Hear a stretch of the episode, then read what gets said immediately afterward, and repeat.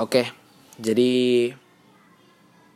ini episode pertama gue bikin podcast. Ya, seperti itu.